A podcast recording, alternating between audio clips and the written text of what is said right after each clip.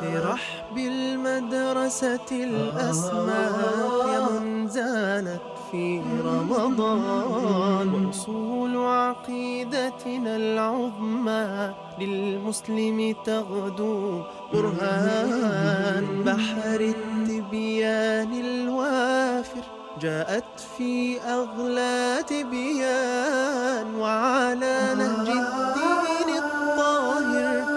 كل زمان ومكان. أحكام شريعتنا الأمثل تسمو علينا تزداد نرجو فيها أرقاما هل ودلائلها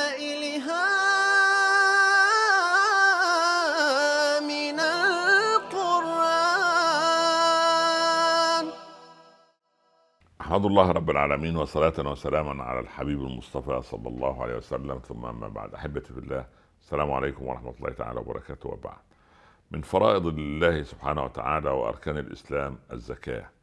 ولقد قاتل أبو بكر المرتدين الذين أبوا أن يدفعوا زكاة أموالهم فاعتبرهم مرتدين وخارجين عن الملة لأنهم أوقفوا وعطلوا ركنا من أركان الإسلام أن تؤمن بالله كيف بأن تشهد أن لا إله إلا الله وأن محمدا رسول الله أن تقيم الصلاة تؤتي الزكاة تصوم رمضان تحج البيت إن استطعت إلى ذلك سبيلا.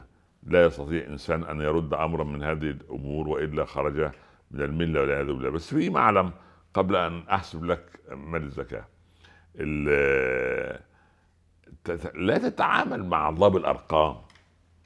يعني يقول لك يا شيخ هي في في رمضان في زكاة الفطر. طبعا زكاة الفطر غير زكاة ال- الأموال والاستثمارات لا. زكاة الفطر. 2 كيلو تمر. يعني يا راجل يا طيب أنت رجل أعمال عندك ملايين. ضرع 2 كيلو تمر. طب دي بالنسبة لل- للفقير. 2 كيلو رز بالنسبة للفقير. الموظف. لكن أنت لا. طيب فيما تجب الزكاة الأموال السائلة العقارات المخازن اللي فيها بضائع ما عليهاش آه، يعني آه، آه، ديون المصانع المهن الحرة اللي زي الطبيب والمحامي والمهندس اللي عندهم مكاتب وكده المحلات السيارات اللي الأجرة اللي بنأجرها الشغل الأجر اللي العقارات يعني لكن البيوت التمليك اللي انت قاعد فيها أو أو بيتك اللي انت عايش فيه ده معلوش زكاة. الأنعام طبعا بشتى أنواعها طبعا لا نتكلم فيها ده عايزة حلقة طويلة إن شاء الله. فإحنا قلنا من قبل عن الأنواع الستة التي لا تأخذ الزكاة. مصارف الزكاة ثمانيه معروفة. إنما الصدقات للفقراء والمساكين إلى آخر الآية. مين الست اللي ما ياخدوش مال الزكاة؟ لا أبويا ولا أمي ولا ابني ولا بنتي ولا حفيدي ولا حفيدتي ولا زوجتي واخد بالك؟ ولا آل البيت دول ولا غير المسلم دول ما ياخدوش زكاة ست أنواع خلاص؟ أما بقية الناس لها آه، لنا حق أن نعطيهم الايه الزكاة. طيب أنا الآن عندي سيارة بركبها أو ولدي يركبها لا زكاة فيها. طب بدأت اجرها لشركة خلاص؟ يبقى إيه؟ عليها زكاة. زكاة إيه؟ الإيراد اللي جاي منها. أنا ساكن في بيت أو شقة لا زكاة عليه لأن خرجت واجرته في زكاة. 5% من صافي الإيراد مش 2.5 2.5 ده في المال. خلاص؟ طيب.